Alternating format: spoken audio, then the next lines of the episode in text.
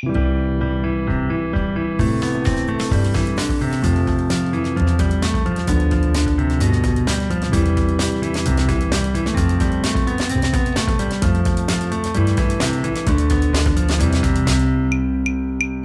och välkomna allihopa till säsongsavslutningen utav Precisionspodden.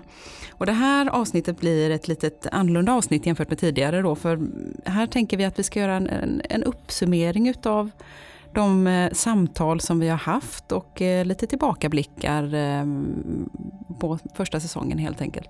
Med mig idag i studion så har jag Jessica och du har ju varit min vad ska man säga, sidekick i ett par avsnitt tidigare. Ja, precis. Vi tänkte vända lite på konceptet här idag och sätta oss själva i gäststolen och då har vi tagit in våran producent Andreas och du ska få intervjua eh, mig och Jessica idag. Vad trevligt. Ja. Jag har fått bekanta mig här med era röster under den här säsongen så det känns fantastiskt att få prata med er. Ja, Det är spännande. Kul. Idag så tänkte jag att vi gör en tillbakablick på den gångna säsongen. Det har blivit ett antal avsnitt, tio stycken. Och eh, jag har samlat ihop lite klipp från den här säsongen som vi ska komma in på. Och jag tänkte vi ska använda det här tillfället att summera lite grann vilka höjdpunkter vi har haft under säsongen, vilka tendenser som vi ser. Jag tänker en chans för er här också att reflektera över alla de här fantastiskt liksom, spännande människorna som jag får träffat under säsongen.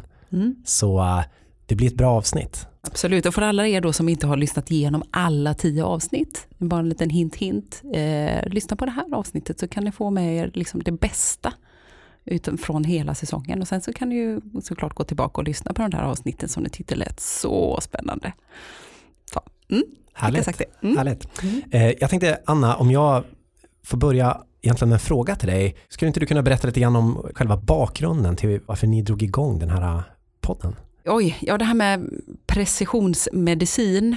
Eh, vi som är i den här branschen hör ju det här ordet eh, väldigt mycket, väldigt ofta. Och vi står ju inför en medicinsk era där både läkemedel och behandlingar generellt skräddarsys och utformas individuellt. Och det här med precisionsmedicin, eh, och det begreppet kan vi gärna förklara om och om igen för verkligen man ska förstå vad det innebär kan man säga. Då. Men tanken med det är att det dramatiskt kan förbättra för patienter helt enkelt. Det medicinska utfallet för patienter och även på liksom samhällsnivå. Men det vi upplevt då och som blev bakgrunden till podden det är att många som vi stöter på i olika sammanhang har en vag eller en, en, kanske en ofullständig bild av, av vad precisionsmedicin är och vilken förändring för sjukvården som den också innebär. Då. Och då ville vi starta den här podden med utgångspunkt i att belysa det här ämnet precisionsmedicin ur olika vinklar och försöka förklara och ge folk en mm, bättre förståelse för vad det är och vad det kommer innebära. Så det, det var utgångspunkten och sen kan vi ju gärna diskutera om vi har nått det här målet eller inte. Då. Men eh, vi har gjort en eh, ansats i alla fall. Mm. Mm. Du sa vid något tillfälle där också att det blir lite som att lägga ett eh, framtidspussel bit för bit. Det sa du i början av säsongen, känner du att du har fått göra det här? Just det, så sa vi. Nej, men, ja, men faktiskt, det är, det är ett pussel. För det är så mycket som ryms i det här begreppet. Och det som vi sa då, som är lika giltigt nu, att vi liksom podden, där vill vi bit för bit och gäst för gäst ja. lägga pusslet eh, och prata om eh, precisionsmedicinens både utmaningar men såklart också alla möjligheter som finns Mm. med detta.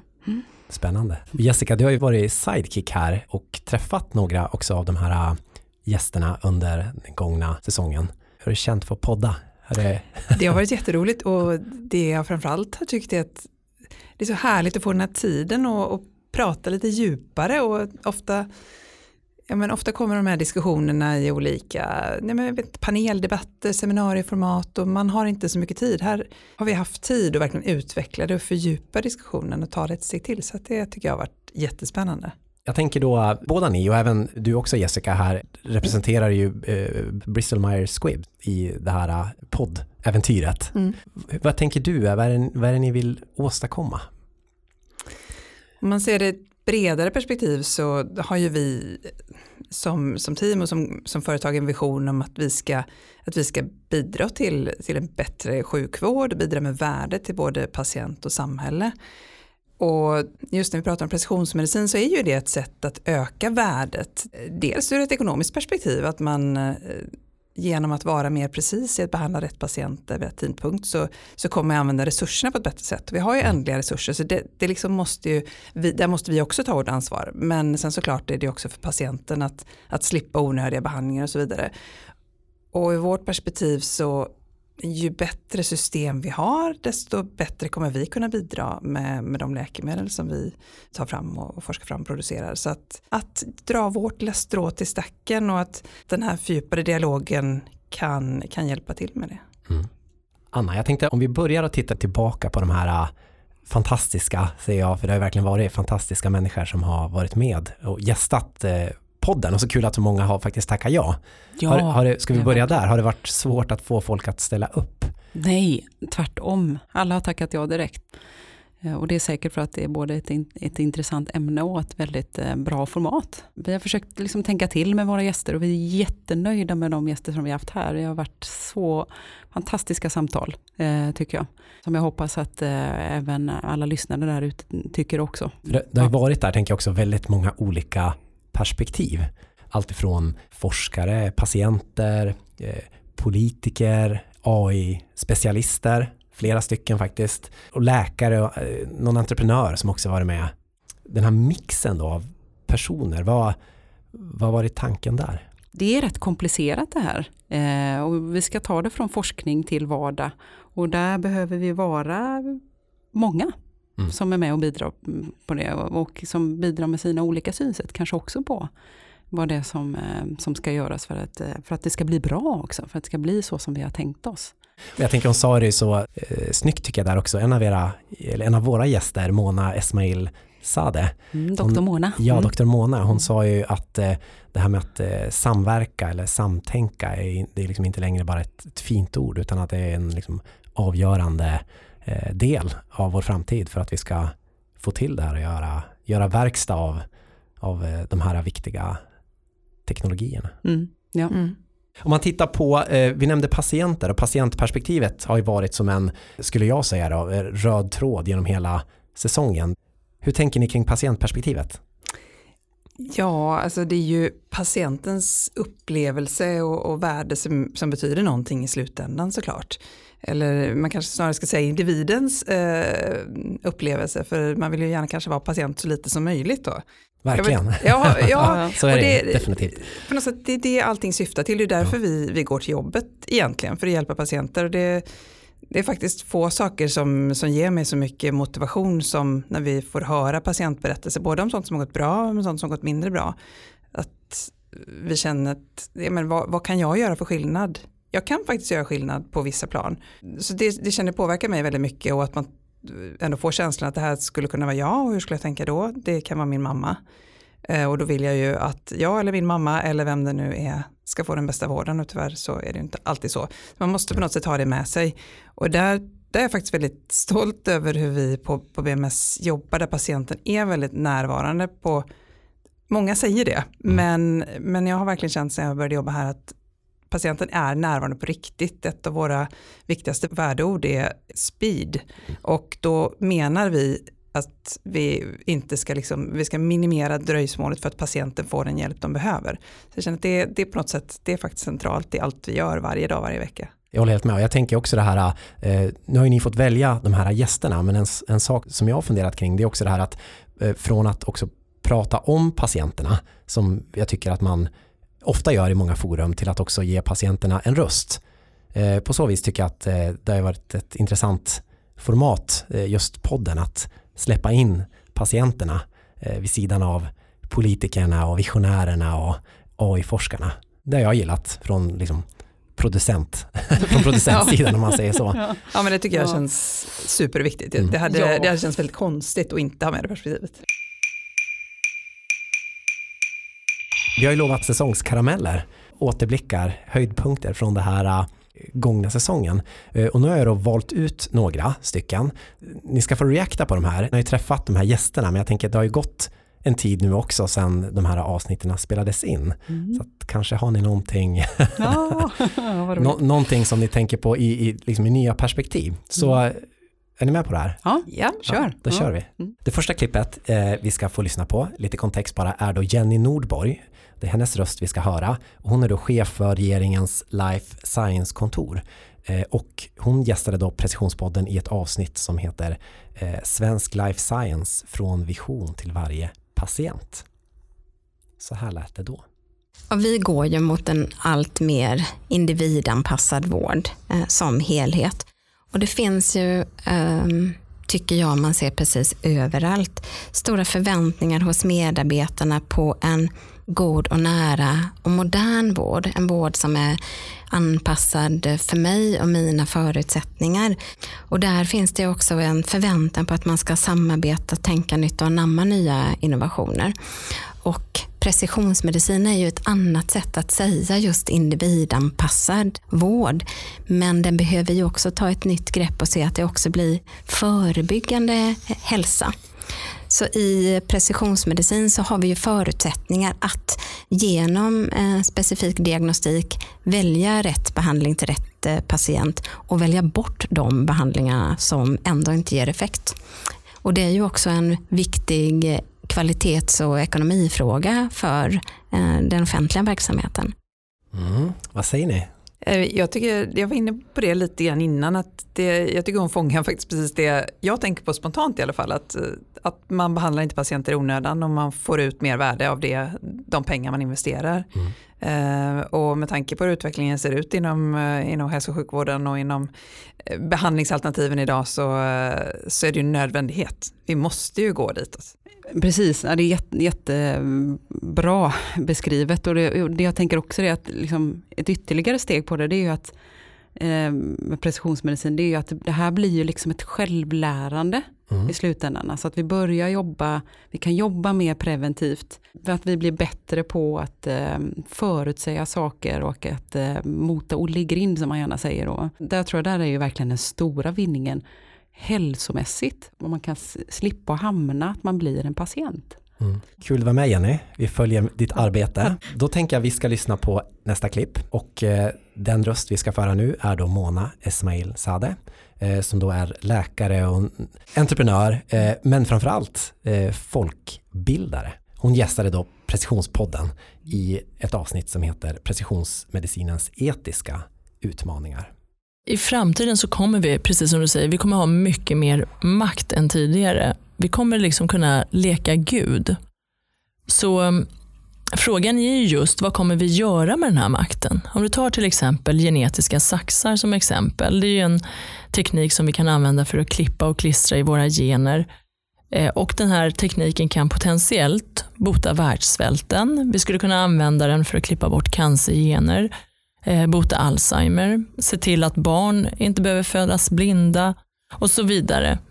Men vi kan också använda tekniken för att designa våra barn i framtiden. Vi kan ändra deras ögonfärg, öka intelligensnivån, eh, muskelmassan och så vidare.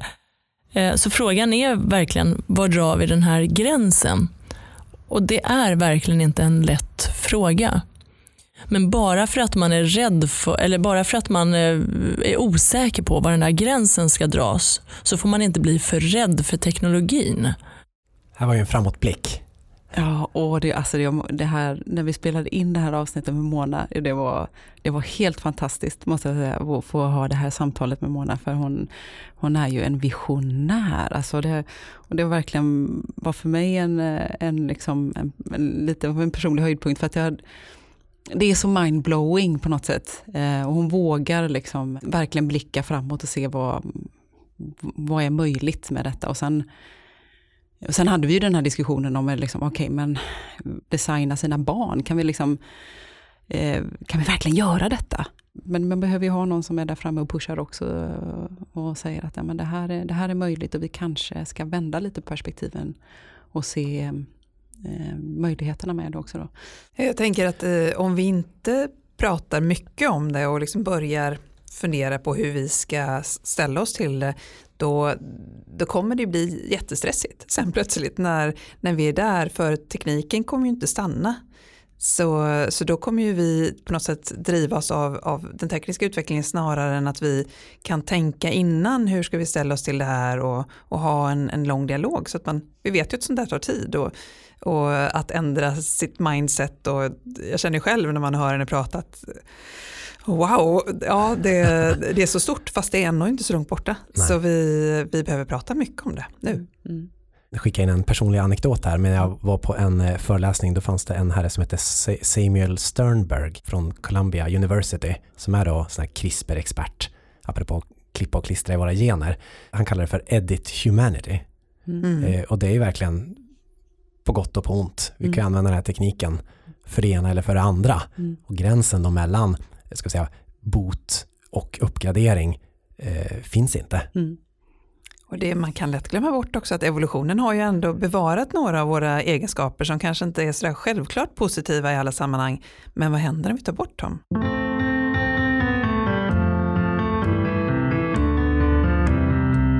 Nästa klipp som jag tänkte vi ska lyssna på eh, är då en röst som tillhör en kvinna som heter Emma Medin eh, som är då läkaren som började arbeta med hälsoekonomi. Och så här lät det då. Framtidens eh, avancerade terapiläkemedel kommer sannolikt innefatta eh, större osäkerhet. Eh, det kommer säkert också innefatta att vi behöver utvärdera värdet av eh, de här terapierna på ett nytt sätt. Det vi använder idag standardiserat är ju kvalitetsjusterade levnadsår, i alla fall inom den hälsoekonomiska kontexten eh, i framtiden med, med många av de här läkemedlen som faktiskt ger löfte om att vara botande så, så kanske man inte kan anta att man som patient kommer värdera ett, häls ett kvalitetsjusterat levnadsår lika högt som ett, ett år med, med full överlevnad. Eh, så man behöver se över hur man ska mäta effekterna av de här läkemedlen mm. på bästa sätt. Vad tänker ni här? Ja, jag tänker det, det är en väldigt bra fråga och det är också en viktig sak att börja prata om.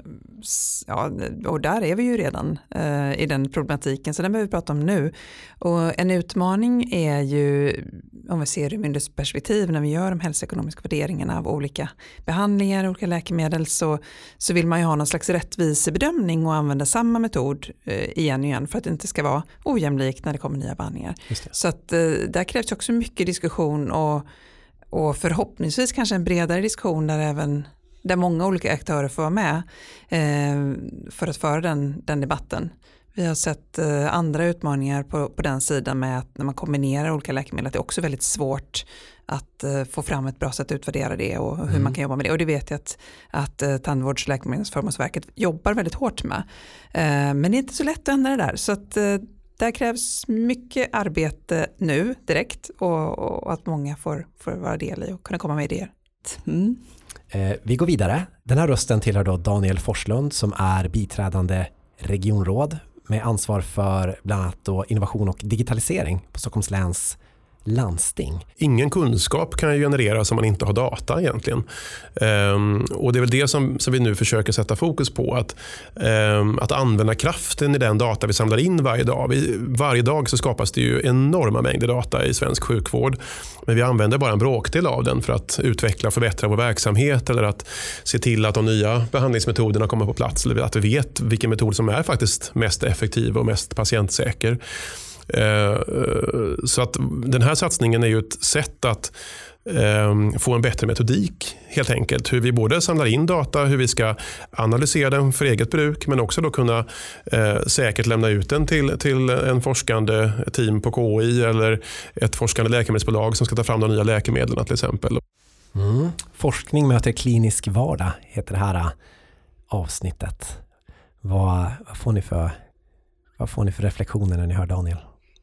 Ja, jag tänker, för vi är ju inne på det här med patientdata eh, och, i nästan varje avsnitt, för det är, är, det är så centralt för precisionsmedicin då, om vi tar det begreppet. Det är liksom oljan i maskineriet, eller vad ska man säga, det är det som är eh, bränslet mm. i det här. Och, så det är just liksom insamlingen och hanteringen av data, ägarskapet har vi diskuterat. Och det här är avgörande frågor för att precisionsmedicin ska bli det som vi har tänkt oss. Mm. Det, det är centralt. Ja, jag kan bara hålla med och jag, jag är glad över att Daniel är så otroligt tydlig på den punkten. Det, det behövs. Det är som i alla andra situationer, vi lär ju oss av allting vi gör. Och här har vi chansen att lära oss av någonting som faktiskt fångas på ett objektivt sätt, får man säga i många fall.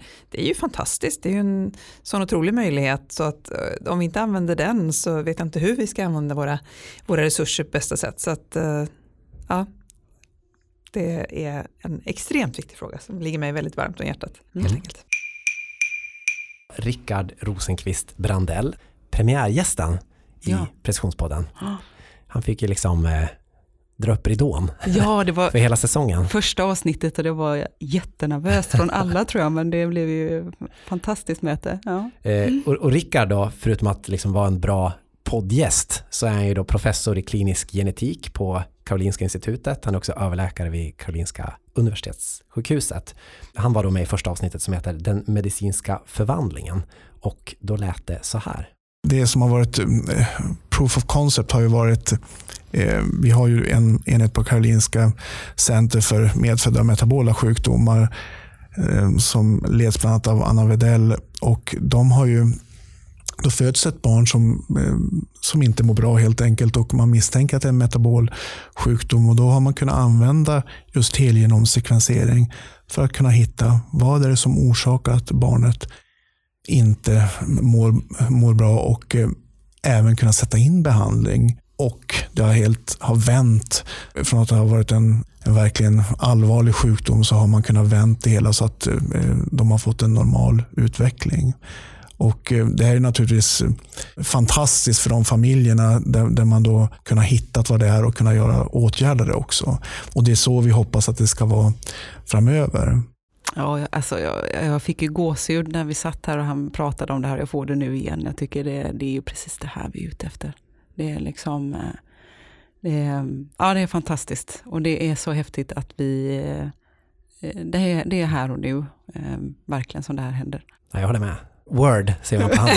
ja, word, ja precis. Ja. Nästa klipp vi ska lyssna på är en röst som då tillhör Madeleine Berman som då är före detta ordförande i Unga Reumatiker. Hon är också patient eh, och hon är med i brukarrådet hos eh, Vårdanalys och hon fick då eh, diagnosen reumatism när hon var fyra år. Avsnittet då som hon var med i heter Framtidens patient. Patienter får ju kanske i bästa fall vara med och vara delaktiga i beslut rörande deras egen vård och behandling. Det är ju vården egentligen skyldig att göra enligt patientlagen, men där vi har långt kvar innan alla erbjuds och bjuds in till en delaktighet. Det är väldigt mycket tid hos läkare eller besök i vården där vi istället borde ha möten och konsultationer där man fattar eh, gemensamma beslut och där man har jämnat ut maktobalansen så att eh, läkaren inte har all kunskap och bara erbjuder en, ett alternativ eh, och inte har förklarat vad det innebär eller vad det finns för andra alternativ. Eh, Så dels i vårdmötet och där det då också ska komma in preferenser från patienter, vad som är viktigt för dem och eh, liksom vilket liv de lever som gör att man kan få en matchad behandling för det. Mm. Vad säger ni om det här starka, i mina ord då, patientperspektivet i vad man faktiskt vill ha? Det är väldigt mycket att tänka annorlunda i vården. Att man, det är svårt att tänka om och, och ha det perspektivet när man har jobbat på ett visst sätt under många år och även om man är ny i vården så kommer man in i befintliga strukturer. Så det, det är en utmaning men det är ju samtidigt eh, lite sorgligt att höra för förmodligen så skulle ju saker kunna bli så mycket effektivare för många möten behöver man aldrig ens ha. Nej. Eller jag vet, jag Nej. har lyssnat på Madeleine i andra sammanhang där hon bara säger en sån enkel sak med en sån kronisk sjukdom, inte ens kunna boka eh, sina, sina tider på nätet. Så att eh, man kanske får någonting hemskickat i pappersform som inte passar och sen ska man anpassa sig till det. Så att, eh, eh, det, mm, man blir lite ledsen men tyvärr kanske inte så förvånad. Ja, men det är det, och det är, liksom, det är ju det här glappet som finns då mellan vad ska man säga, hälso och sjukvården och liksom befolkningen. Alltså rent eh, vilka förväntningar man har på, på vilka tekniska lösningar på saker och ting. Enkla saker liksom. Där man är van att kunna lösa saker digitalt och mobilt. Eh, där möts man av en helt, ett helt annat liksom, interface då, eller som helt, något helt annat eh, när man kommer till sjukvården. Man har ju börjat där med att ha med olika så här, patientrepresentanter i olika, eh, i olika sammanhang. Eh, men fundera på det igen, vad kan man göra för att ytterligare få ett patienttänk?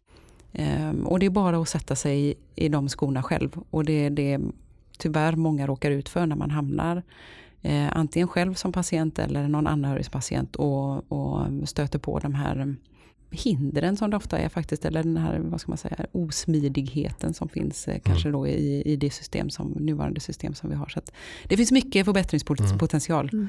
Mm. Och med, med det ja. sagt så vill jag också ändå ge en eloge till sjukvårdspersonalen som, eh, som verkligen gör sitt bästa, men har man inte rätt förutsättningar inom sitt system och, och har kanske ett väldigt, en väldigt hög arbetsbelastning så kan man inte förvänta sig att man ska göra saker helt annorlunda än vad alla Nej. andra gör. Men, men många har ju verkligen patientens bästa framför sig när man jobbar, så det ska man inte glömma bort, men, men det är mer på systemnivå. Verkligen. Här kan man ju ta då hjälp av eh, människor som till exempel eh, Mona, som är liksom framtidsvisionärer, mm. apropå då makten över vår egen hälsa. Mm. Jag tror hon sa, och säger här i avsnittet att det är en, det är en mänsklig rättighet.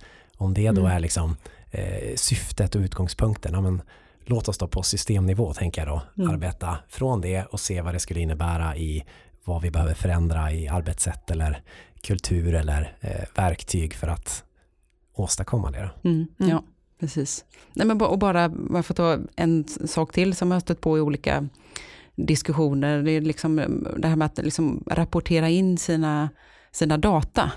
håller man ju på att titta mycket på hur ska det, liksom, hur ska det gå till och, och kanske inte, där då inte, inte, inte välja ut ett sätt att göra det tänker jag, utan att öppna upp, se till att skapa nu system som, där man kan ta in från många olika källor.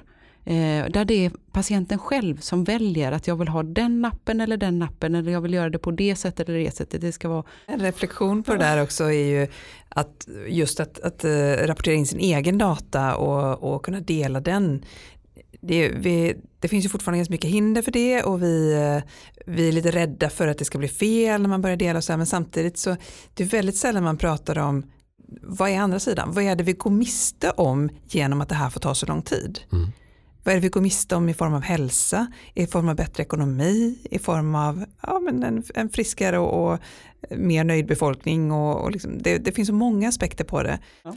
Ja, men bra, Jätte, jättebra reflektioner och tankar ja, får... kring den här.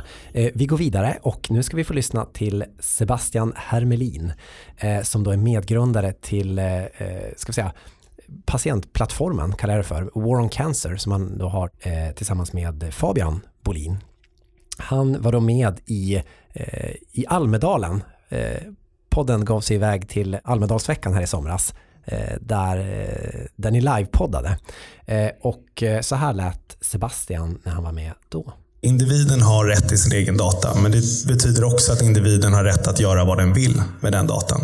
Det vill säga man kan vilja dela med den till forskande institut exempelvis för att hjälpa sig själv eller för att hjälpa andra. Och jag tror att man måste börja på något sätt inse att människor vill ha den rätten och är kapabla att ta den typen av beslut. För man pratar ofta idag i termer om att, alltså det är lite det här översittarbeteendet som man ser inom svensk sjukvård också. Patienten är patient och bara patient. Vi vet vad du vill som patient. Även om du kommer till oss och säger vad du vill så behöver inte vi lyssna på det. Ehm, och jag tror att det är, man måste ha ett öppet öra för patientens röst när det kommer till det. Och ägandeskapet av data följer helt enkelt med där. Vad får ni för tankar av Sebastian? Han fortsätter lite grann på, på samma, samma tema här som, som Madeleine. Men precis, alltså, de flesta, om, man, om man vet vad det är man delar så, så är de flesta positiva till att dela med sig sina data. Och, och det är ju en guldgruva som, som känns eh, hemskt att inte ta emot om man mm. ser det ur det perspektivet. Då. Men ibland hör man ju motsatsen att, eh, att många är rädda för att dela sina data och allt vad det kan innebära. Eh, kommer det innebära att jag inte kan ta en försäkring och så vidare. Men där, där tror jag att det är jätteviktigt att utbilda allmänheten. Vad är det vi delar? Det är ju, det är ju patientdata i aggregerad form i de allra flesta fall som man har ingen aning om vilken patient det egentligen rör sig om, men genom att samla in data från många individer så, så skapar ju det ett otroligt värde. Det är ju inte en individs data som skapar det stora värdet i, i de allra flesta fall. Och att öka kunskapen om vad det är som delas egentligen tror jag är väldigt viktigt. Det här var ju verkligen eh, precisionsmedicinen i det demokratiska perspektivet. Mm. Sebastian hade ju också då eh, två branschkollegor säger jag. Vi, han hade eh, Christer Jonsson som då är ledamot i SKLs eh, sjukvårdsdelegation och så Lina Nordqvist som då är eh, eh säger jag rätt nu, ledamot i socialutskottet. Mm. Satt mm. också med. Det som jag tycker Christer eh, gjorde en intressant poäng där också, apropå att prata data, var just kommer man till eh, precisionsmedicin så kan det också vara så att det handlar liksom i allra högsta grad om individens data. Om vi ska liksom behandla dig, då måste vi ha din data. De här olika nivåerna av det här, vilka mm. ska ha tillgång till din data och vilka ska inte ha, då, ha tillgång om man pratar tredjepartsaktörer mm. och andra, ja. eller andra myndigheter. Mm, ja. För den, ja, precis, den, det var vi inne på också. Ja. För den diskussionen tycker jag är jättespännande det här också om, om man som eh, ta, att man som förälder eh, gör något tester på sitt barn mm. eh, och så sen används den datan i framtiden för att ta reda på om barnet har skyldigt till ett brott eller inte. Mm. Det blir ju lite konstigt. Ja, och det, det är sånt som, eh, som gör, mm. sådana saker som gör att vi, vi kanske tappar förtroende eller ökar vårt förtroende för de här olika instanserna. Mm. Ett klipp till här nu ska vi lyssna från en eh, kille, säger jag, herre, som heter Kai Andersson som då är marknadschef för eh, Peltarion och även då delegat i Swedish AI Council. För artificiell intelligens är ju någonting som är liksom nära besläktat med den här teknologiska revolutionen, säger jag då i mina ord, som vi är uppe i. Och då gästade han tillsammans med eh, Johan Hartman då, som är docent vid Karolinska Universitetssjukhuset, eh, Precisionspodden för att prata om AI och medicinens framtid. Så här lät det när Kai var med. Vi behöver, vi behöver åstadkomma en förändring där våra medborgare, och det tror jag gäller hela EU, eh, har kontroll och äger sin egen sjukvårdsdata. Så att jag kan eh, göra en transaktion med min vårdgivare oavsett om den är landstingsdriven eller privatdriven. Så att jag, att till exempel vid ett vårdsamtal kan dela min data och få en diagnos baserad på den eller en rekommendation baserad på den. Som medborgare så vill jag gärna kunna ha min, äga min journaldata och min sjukvårdsdata och dela den med, med ICA till exempel som äger eh, Apoteket Hjärtat och eh, min doktor. Jag vill ha personliga kostråd, personlig medicin, medicinråd eller att deras läkare ska kunna titta på det och ge mig, ge mig proaktiv sjukvård. Ja, jag kan börja med att säga att det finns ju även andra butiker som är bra eh, utöver ja, ICA. Men jag tänker det är, det är ju liksom precis det här. Eh, som, nu, nu, kommer vi ju ner på den här nivån. Liksom. Nu, det här blir förståeligt. Jaha, är det det jag kan få ut?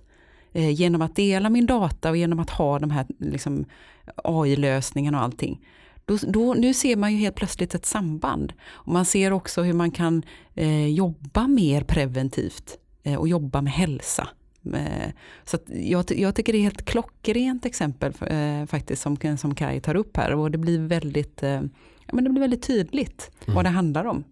Och det var faktiskt min, min största reflektion över just det avsnittet, att det, var, det blev väldigt konkret. Mm. Vad, vad är det vi kan få ut?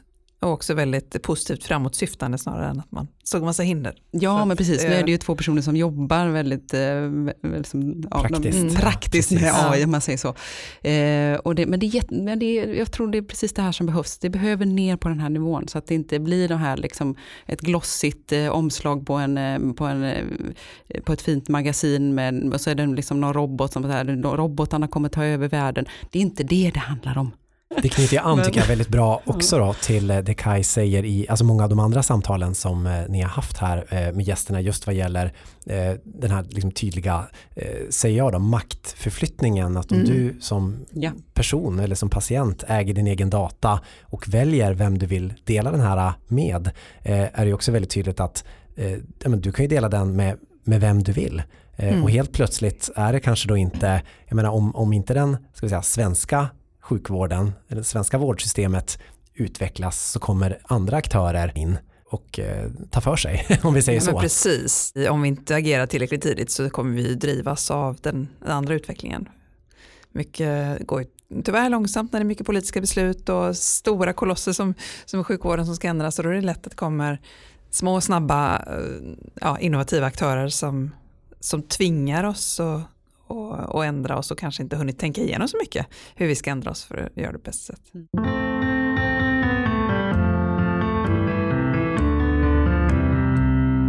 Bra, bra reaktion här på, på klippen. Kan man sammanfatta det här på något sätt? Ser ni några tydliga tendenser? Ja, jag skulle vilja sammanfatta det egentligen i fem punkter som jag liksom, eh, nu när jag har lyssnat igenom alla avsnitt igen också, eh, som jag tycker är liksom, det här framkommer väldigt tydligt i hela den här säsongen. Ett har vi redan varit inne på, eh, det är det här med patientdata, eh, hur vi samlar in och hanterar data. Jätteviktigt. Eh, men också två då, alltså precisionsmedicinen som en förutsättning för att vi ska ha en funktionell sjukvård i framtiden. Inte minst eh, perspektivet som, eh, som Jenny Norberg kom, men, men även eh, från andra håll också om man säger så. Tredje saken som jag har tänkt på det är, ehm, det är det här med patientperspektivet och att man det kräver kulturförändringar inom hälso och sjukvården som är nödvändiga för att få den här omställningen mot, liksom, mot patientens perspektiv helt enkelt. Då. Och sen jätteviktigt som framförallt Mona var inne på det här med mindsetet liksom kring nya teknologier. Att vi måste mm, vi behöver se positivt på utvecklingen och de möjligheter som tekniken innebär då. Eh, det var ju även eh, Kai och Johan inne på i AI-avsnittet där. Nya generationer kommer ha ett annat synsätt på detta och det är också eller, det handlar ju om en kulturförändring på samhällsnivå. Så att, eh, och det här med folkbildning är viktigt och demokratisering av den här kunskapen kring i de här frågorna. Då. Och sen den femte saken som jag tänkte på, det är, och det har vi egentligen också redan varit inne på lite grann, det är, det är samverkan. Hur otroligt viktigt det är med samverkan mellan olika parter, att man vågar gå ihop och hitta projekt och eh, lösningar tillsammans, flera olika aktörer. Eh, det kommer också vara en nyckel för att, eh, för att vi ska lösa det här och få till det på ett bra sätt. Bra sammanfattat. Jag är lite nyfiken på att veta, handen på hjärtat här nu, om det var någonting som har känts liksom, eh, obehagligt att höra, lite jobbigt att höra under de här samtalen vi haft. Kanske inte jobbigt att höra, det är egentligen två perspektiv. Lite obehagligt sorgsamt att höra kanske man kan säga är- just hur lite patienterna och individerna faktiskt har att säga till om i sjukvården än så länge, även om Mm. vi tror det är på väg åt rätt håll. Att man, man ändå så lite tar hänsyn till ja, det individuella perspektivet och individens vardag. Eh, Så det kan man tycka obehagligt, men ja, men på sätt och vis obehagligt om man nu hamnar i den situationen själv. Faktiskt. Nej, men det har varit väldigt eh, intressanta och spännande samtal tycker jag snarare. Och, och den viktiga utkomsten är väl just att våga lyfta frågor och diskutera dem i ett öppet forum så att vi kan hantera dem då istället för att gömma undan dem. Och, En genomgående eh, tankelinje, om man ska kunna se, kalla det för det, är ju en eh, sense of urgency som på något vis Mm. alla de här Eh, gäster, oavsett om det gäller eh, hur vården måste snabbare vrida om till att bli mer eh, patientcentrerad eller hur vi måste bli eh, ännu bättre på att snabbt liksom applicera de här möj- fantastiska möjligheterna som AI eh, innebär eh, till eh, hur vi måste ställa om hela liksom, svenska systemet eller innovationskraften för att, för att hänga med. Hur, hur, vad är era tankar här? Att kunna få ut data, det, det är det viktigaste första steget. Och där, där känner jag lite grann att det, eh, det känns ibland så oöverstigligt att det är ett stort berg vi ska upp på. Men, men jag tänker att eh, där jag ser en sense of urgency är definiera mer delmål. Mm. Eh, olika klippavsatser som kan ta oss en väg, bit på vägen där vi känner att ja, men det, där, mm, det där ska vi nog kunna klara av på ett år. Men att vi, att vi ännu tydligare liksom tar det steg för steg. Det finns säkert eh, en del som, som har den planen utlagd men jag tycker inte vi pratar så mycket om det. Nej. Så, för annars så känns det som att mm, vi kommer aldrig lyckas med det där. Men, men att definiera de små stegen känns väldigt brådskande. Ja. Vilka fler hade ni velat träffa eller vilka fler vill ni träffa i Precisionspodden? det kommer i nästa säsong. Är det en cliffhanger? ja. Ja, var ska man börja med det? otroligt spännande mix som vi hade. Eh, jag tänker att vi pratar så mycket om det här med, med data och, eh, och implementering och det här. Det kanske vore spännande att prata med någon som, som mer arbetar med, med IT-verktygen i vården. Alltså jag tänker i, mm. i regionstrukturen. Och bara en sån enkel sak som hur arbetar man med att se till att vårdpersonalen har tillgång till rätt digitala verktyg i patientmöte till exempel. Mm. Det perspektivet tycker jag skulle vara, vara lite roligt att höra. Mm. Mm. Det, ja, det finns jättemånga perspektiv och det var faktiskt det är folk som har hört av sig också har eh, tips på, eller liksom så här, men det här borde ni väl kunna ta upp och sånt där. Så att det, jag vill, nu blir en cliffhanger hänger igen då, men, men det kommer en säsong till och där vi, kommer, eh, där vi har lyssnat på, på sådana åsikter och det, ni får jättegärna fortsätta höra av er. Om man, men, om man har något tips då, förlåt att jag avbryter ja. har de, vart ska man höra av sig? Det kan man göra, det går jättebra att höra av sig antingen direkt till mig eller så har vi en, en in, inbox, en låda man kan mejla till som heter precisionspodden at bms.com.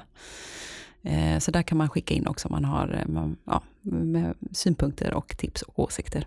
Men nu har vi pratat mycket om också värdet som man får av precisionsmedicin och också eh, när vi pratar om betalningar för, för nya terapier och sånt. Så att få med någon som, som håller i pengapåsen eller som står för utvärderingarna från till exempel våra myndigheter från TLV eller från regionerna där man har tydligt budgetansvar.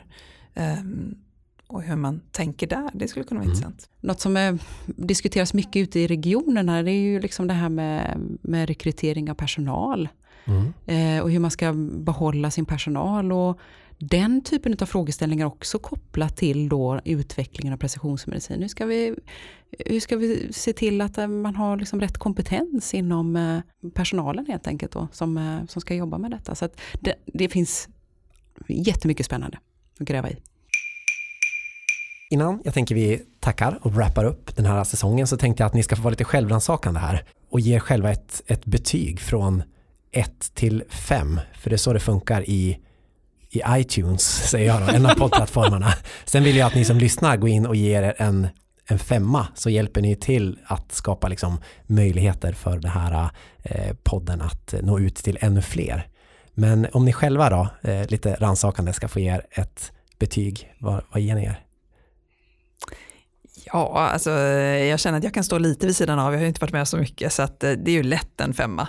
Oh, eh, men jag, jag, tycker det har varit otroligt intressant att lyssna och få, ja, men få det här breda perspektivet och, och alla spännande samtal. De, de få samtal som jag har fått vara med på har varit jätteroliga och jag tycker, tycker Anna känns som ett väldigt tryggt och eh, inspirerande ankare i studien. Så. Oj, oj, oj, tack. Ja. Jag ger vår fantastiska podd en kanske lite mer modest fyra, då, eller kanske fyra och en halv i alla fall. Alltså jag är supernöjd med eh, den här säsongen, våra fantastiska gäster som vi redan varit, inne på eh, och alla samtal som vi haft. Där är det liksom en femma rätt av. Sen, eh, sen tänker jag att eh, självrannsakan, eh, det är väldigt långa avsnitt. Och jag är bara rädd att de kanske blir lite för långa ibland. Um, så det kommer vi tänka på framöver faktiskt och det är lite feedback som jag fått också. Så det är kanske det som, eh, jag, hopp, jag hoppas verkligen att eh, alla tycker de är så intressanta så att de lyssnar igenom hela timman som det oftast är då. Att man tar sig den tiden, för det är värt det kan man ju säga på slutändan då. Ehm, men det, det skulle väl vara det då. Mm. Jag ger en, en femma rakt av på iTunes.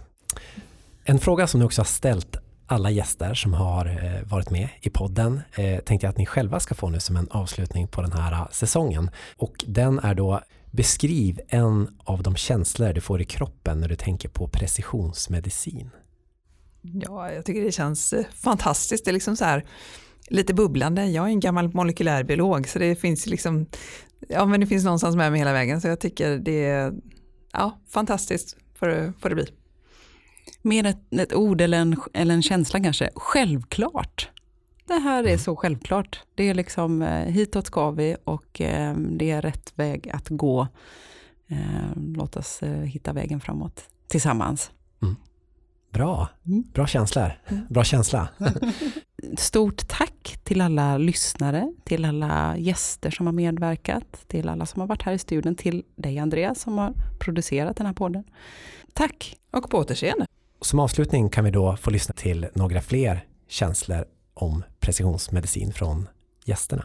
Jag känner nyfikenhet eh, och jag känner framåtanda. Wow, vad spännande. Vilka möjligheter. Det är otroligt spännande och det känns otroligt viktigt. Lite svindlande möjligheter över att vi faktiskt eh, har lärt oss så mycket. Optimism känner jag. Alltså det, det, det här kan lösa så mycket som vi inte ens trodde var lösbart för några år sedan. Till att börja med så känner jag hopp. Den andra känslan jag får är ansvar. Det är en väldigt stor entusiasm och det är en väldigt stor framtidshopp, förhoppning tycker jag. Jag väljer nog att eh, känna glädje och hopp. För att vi har verkligen aldrig levt i en bättre värld. Och vi har en framtid som är ljus. Vi kan idag göra mirakel baserade på vetenskap och vi kommer att se väldigt många fler av dessa mirakler.